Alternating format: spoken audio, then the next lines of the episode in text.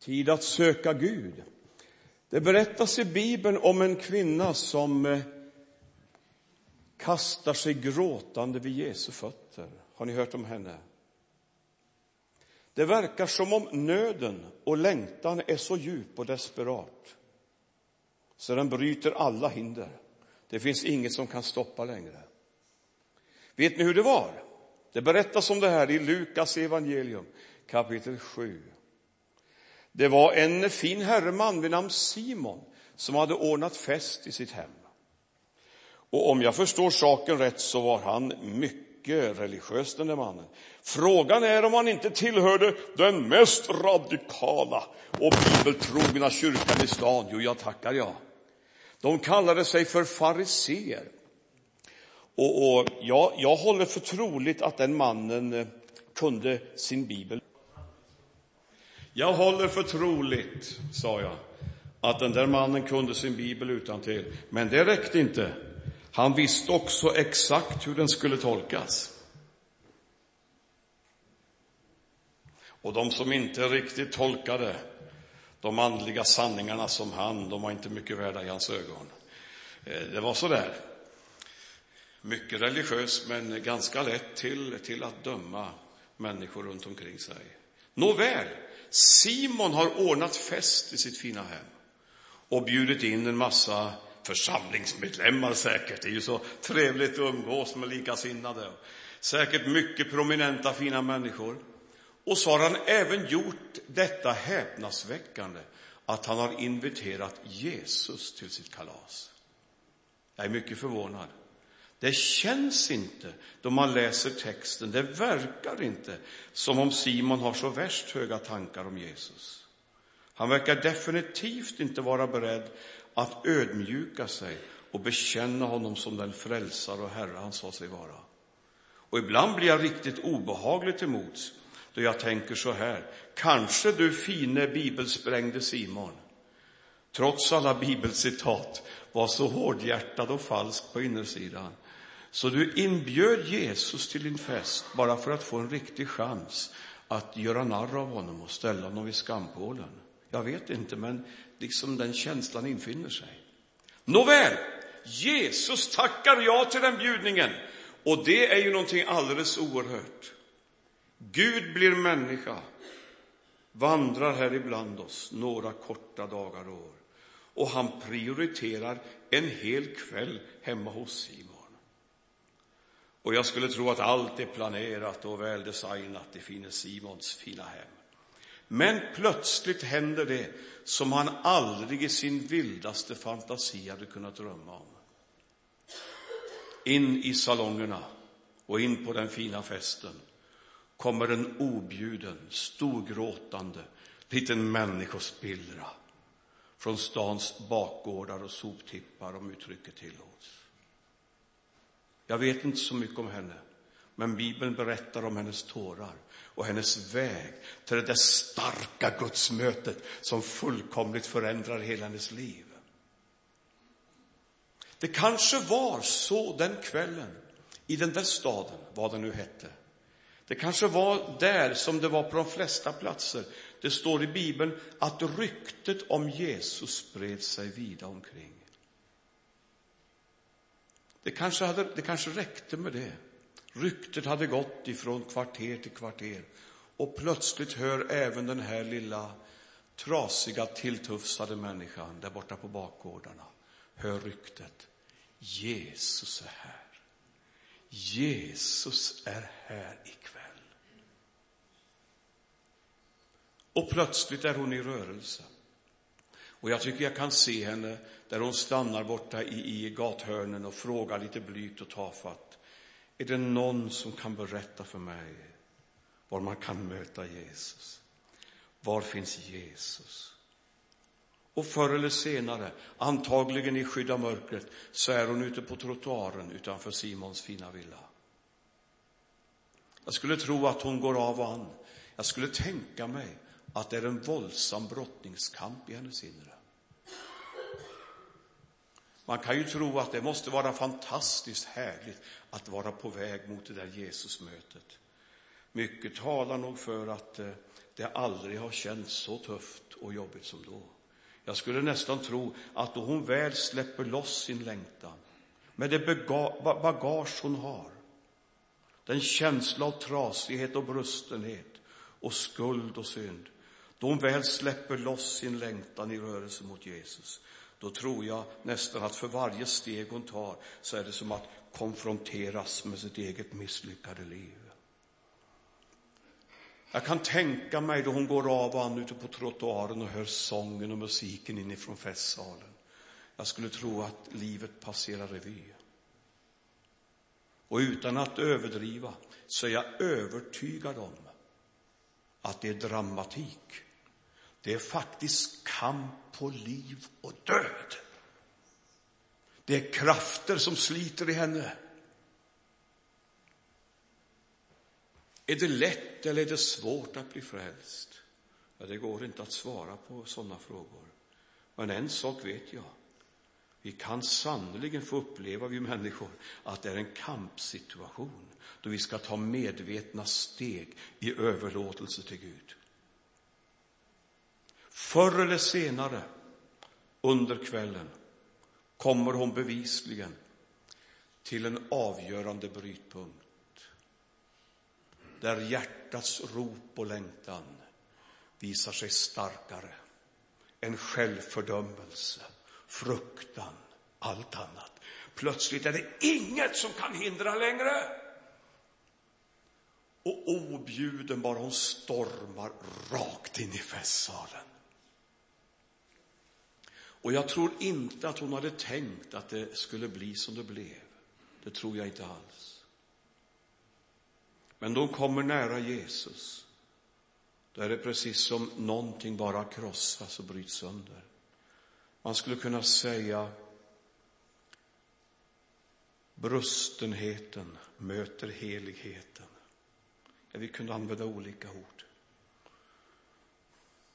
Och där händer någonting och det kommer till synligt uttryck. Hon bara rasar ihop på golvet som en liten lumphög och börjar gråta helt obehärskat. Tänk vad värnlös och utsatt hon borde känna sig. Där står människor runt omkring och hånflinar. Och antagligen försöker hon ta sig samman flera gånger. Då kommer gråtattackerna bara värre och värre. Och förfärad ser hon hur hennes tårar rinner över Jesu fötter och hon tar sitt eget huvudhår och torkar dem. Och bredvid står Simon, han som kunde så mycket bibelcitat och som var en riktig mästerteolog. Vad gör han? Känner nöd och kärlek och ber ömt för kvinnans själ. Gör han det? Nej, han står och hånflinar. Ganska otäckt. Står och hånflinar. Och så visar det sig att han är färdig med sin dom och att han är färdig med sin dom över kvinnan, det förvånar mig inte. Det har han säkert varit i flera år.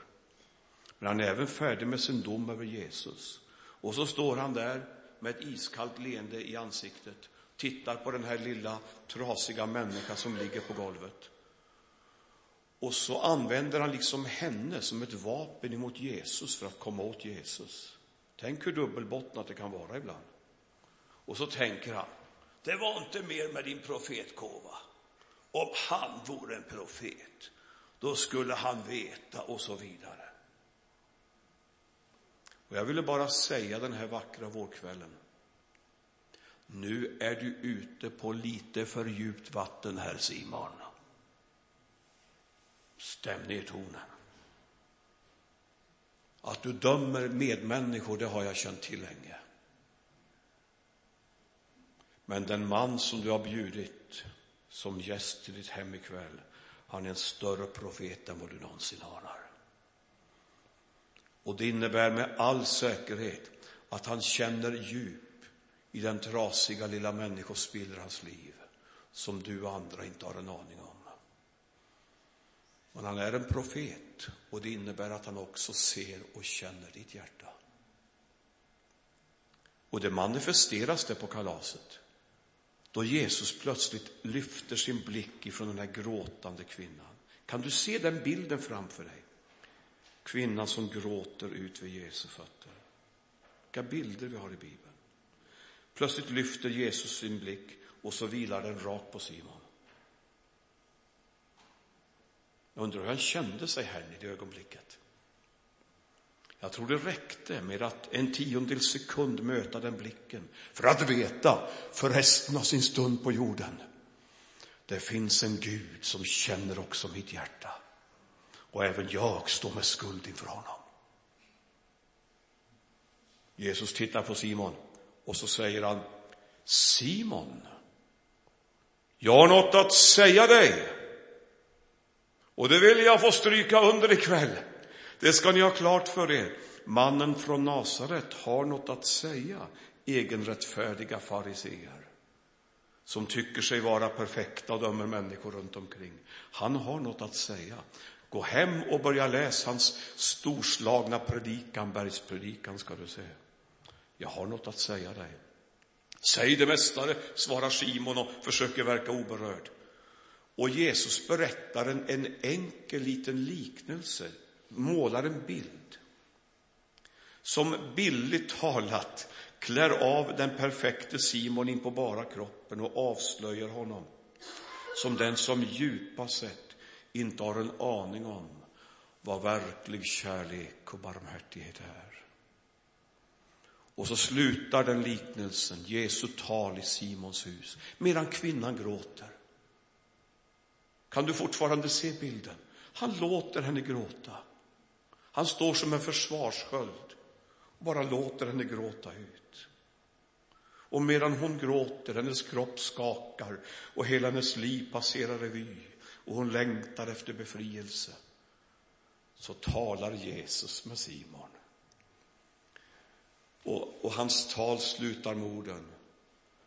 Den som har fått lite förlåtet, han visar också liten kärlek. Vi kan ju vända på det. Den som har fått mycket förlåtet, han visar mycket kärlek. Smaka på de orden. Jag tror inte att Jesus menar, menar att gradera synden. Det där är mycket synd och det är lite synd. Det är en förskräcklig människa, det är en lite bättre människa. Det är inte så.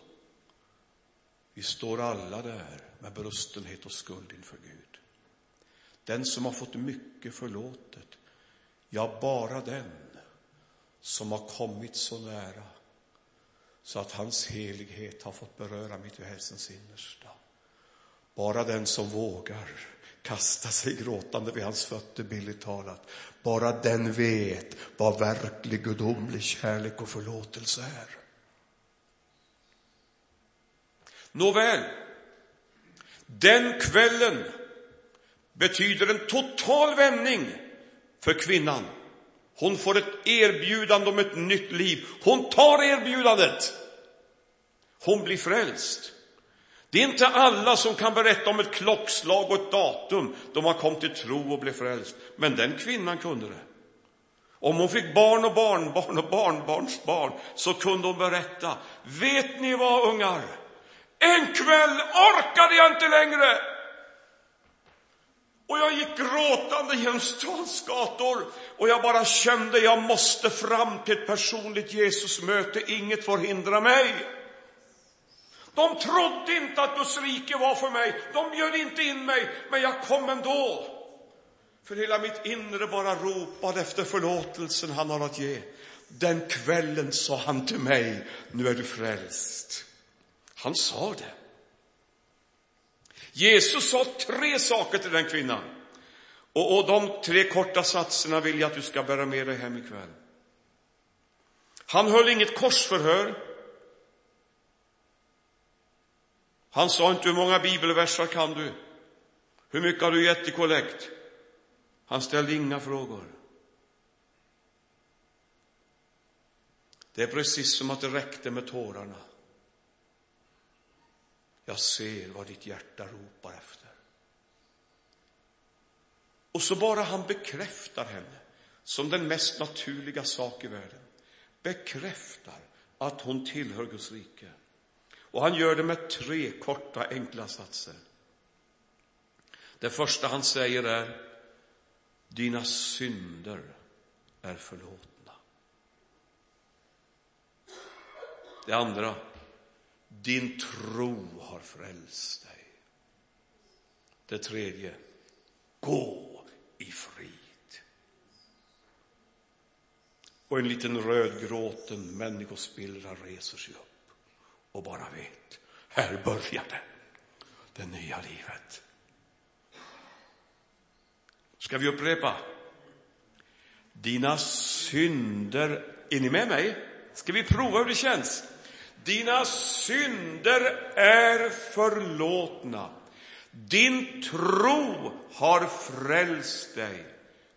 Gå i frid. En gång till. Dina synder är förlåtna.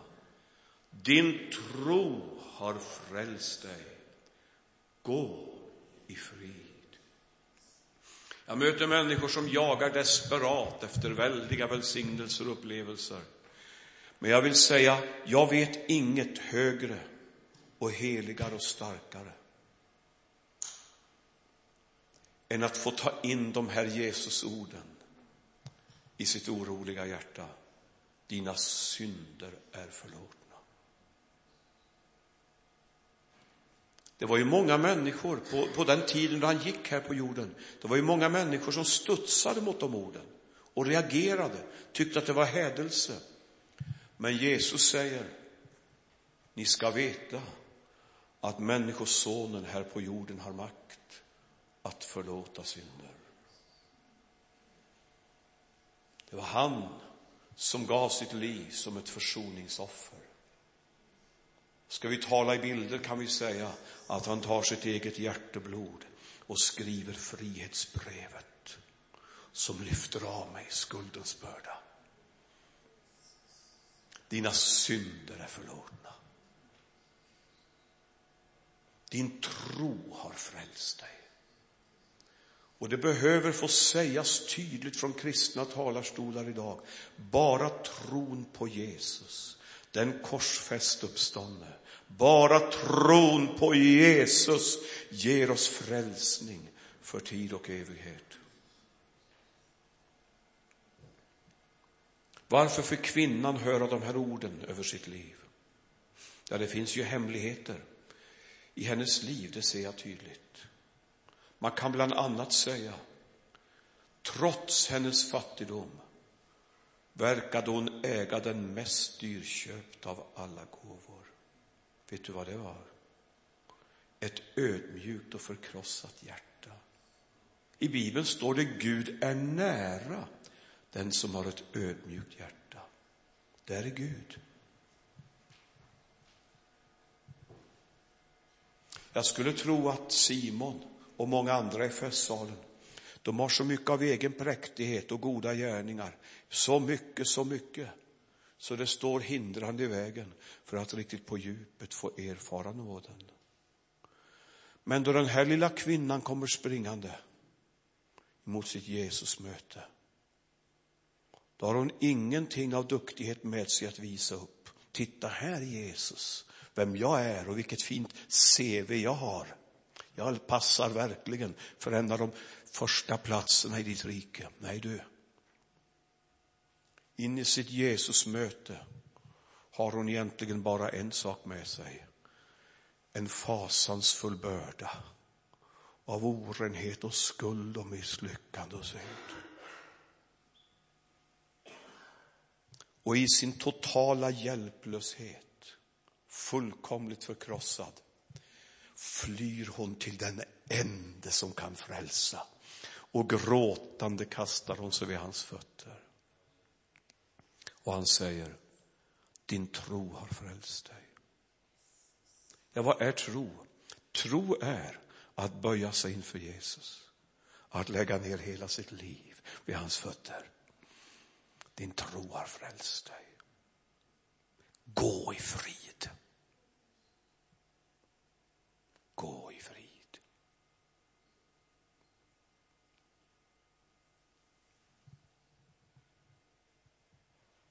Vet du vad Bibeln är för mig? Det är Guds kärleksbrev till mig. Det är inget diskussionsunderlag. Det är ett kärleksbrev. Det är inandat av Gud. Där finns hans egen närvaro. Där möter han mig. Där talar han in i mitt liv. Och därför så, så tar jag bibelordet mycket personligt till mig. Om jag läser en sån här text och de här orden som vi har citerat ihop nu, vet du hur jag läser då? Hemma i min egen andakt. Då läser jag så här. Jag tar det till mig. Jag låter mitt liv speglas i hans kärlek. Och så läser jag. Mina synder är förlåtna. Min tro på Jesus har frälst mig. Idag får jag leva i hans frid. Det är livet i mitt liv. Förlåtelse, frälsning och frid. Ska vi ta det en gång till? Dina synder är förlåtna. Din tro har frälst dig. Gå i frid. Nu ska vi avsluta gudstjänsten alldeles snart, men jag vill att vi böjer våra huvuden i bön. Och så ska vi ha en överlåtelse och bönestund. Och alldeles strax kommer, kommer de här underbara människorna från Kungsbacka fram och sjunger och spelar. Och med innerlig, mjuk lovsång vill de också vara med och hjälpa oss att ta steg i möte med Gud. Och jag bara frågar nu, finns du här som känner att eh, det här är ett tillfälle som jag ska ta vara på? Är det så? Vi ska praktisera förbön nu och vi ska ta det väldigt enkelt. Vi ska inte försöka jaga upp någonting. Det var oss fjärran. Varför ska vi göra det? Jag tror att Herren Jesus är här. Jag tror att om du vågar ta några steg för att också visa att du släpper loss din längtan. Jag tror att det öppnar för Guds närvaro, för Guds ingripande. Jag tror på detta med handpåläggning och förbön. Bibeln talar om det och vi praktiserar det.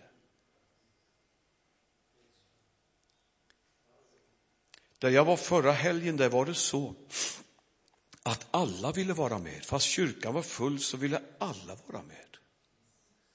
Det var mycket människor från Svenska kyrkan, de var så berörda av den här andliga förnyelsen inom oas och så vidare. Och då är det ju den tonen att Ska vi be för varandra, då vill vi vara med. Nu har vi en helg som heter tid att söka Gud. Och känner du att det är någonting du bär på som du vill ha förbön för, så ska du komma fram hit. Var inte rädd. Här finns en lite större plats och här finns plats hela vägen. Kan sätta det här eller ställa det här så ska vi praktisera förbön. Och jag tycker att eh, ni kan gärna vända er lite försiktigt till varandra i kyrkan och viska till din bänkgranne. Om du vill ha förbön, då går jag gärna fram med dig. Är det för mycket begärt? Nej. Det tycker jag är ett ganska fint sätt att, eh, att liksom eh, manifestera en, en varm gemenskap där vi känner för varandra. Jag hade inte alls räknat ut att jag skulle tala ut de här profetiska hälsningarna i början. Men jag upplever att det var från Gud. Gud vill låta sin närvaro sänkas ner över denna plats. Det är, det är någonting nytt i beredskap. Det är någonting nytt i beredskap. Och därför finns det också en kampsituation.